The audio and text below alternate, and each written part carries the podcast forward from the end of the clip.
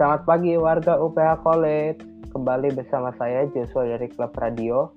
Nah, dalam acara UPH College Morning Broadcast kali ini, saya akan membahas tentang sebuah isu yang sudah lama ada di daerah kelahiran saya, yaitu Jakarta. Nah, Jakarta adalah sebuah kota kosmopolitan, pusat dari pemerintahan NKRI dan juga tempat bisnis-bisnis besar berada. Ya, bisa dikatakan Jakarta adalah New York versi Indonesia. Kota besar yang tidak pernah tidur, penuh akan orang, dan penjagaan yang lebih ketat ini pun tidak luput dari kejahatan, khususnya pencurian.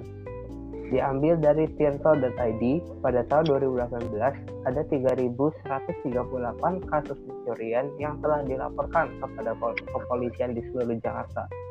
Kasus-kasus tersebut dibagi menjadi menjadi tiga kategori sesuai dengan hukum pidana. Pencurian kendaraan bermotor, pencurian dengan pemberatan atau yang namanya maling, dan pencurian dengan kekerasan. Dari ketiga kategori tersebut, pencurian dengan pemberatan adalah jenis pencurian yang sering terjadi dengan jumlah 1.584 kasus. Nah, hadir di sini bersama saya adalah dua narasumber. Narasumber pertama saya adalah Pak Shane Kenneth Kyong seorang pengamat sosiologi, khususnya sosiologi dalam kriminologi. Narasumber kedua saya adalah Kak James Menjaya Putra, seorang pengamat sosiologi.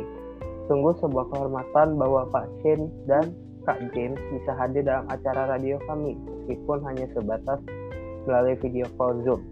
Nah, saya ingin bertanya kepada Pak Shin, setelah mendengar penjelasan dari saya tadi, apa pendapat Bapak tentang berita ini?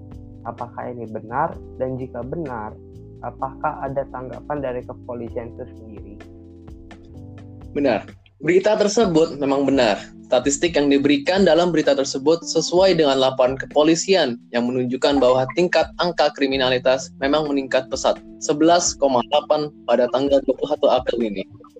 Saya membawa buku ini yaitu Sosiologi Perkotaan memahami masyarakat kota dan problem problematikannya yang ditulis oleh Dr. Anon Nasrullah Jamaluddin, MAG.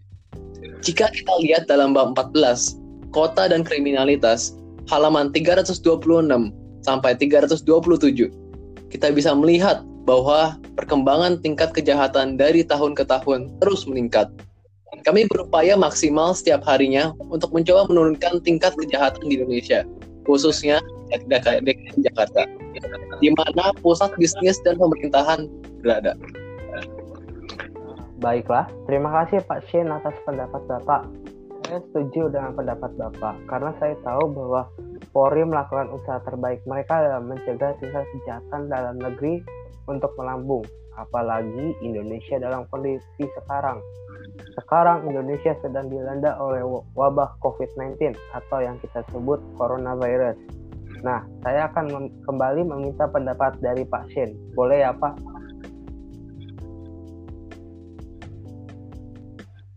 Silakan, Nak.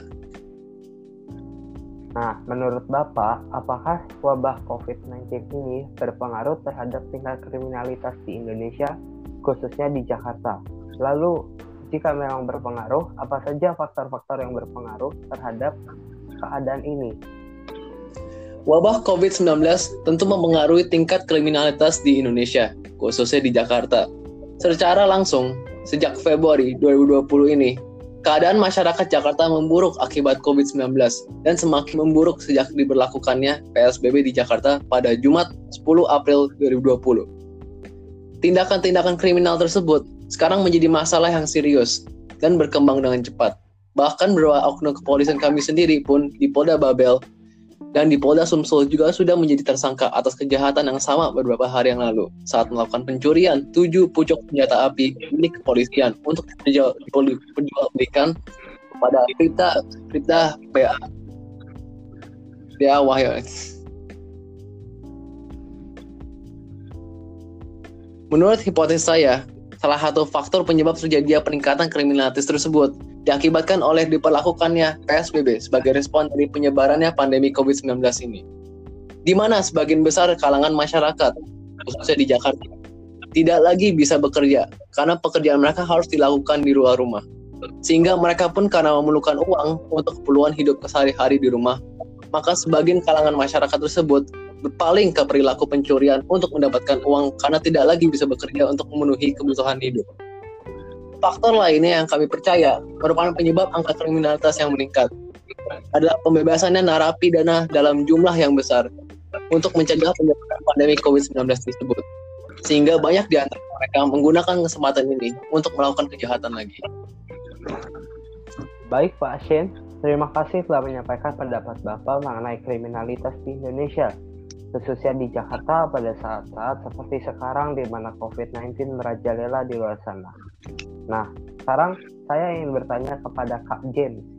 Apa pendapat kakak dari segi kriminologi maupun sosiologi mengenai tingkat kriminalitas yang sekarang meningkat sebelum maupun selama wabah COVID-19 berlangsung.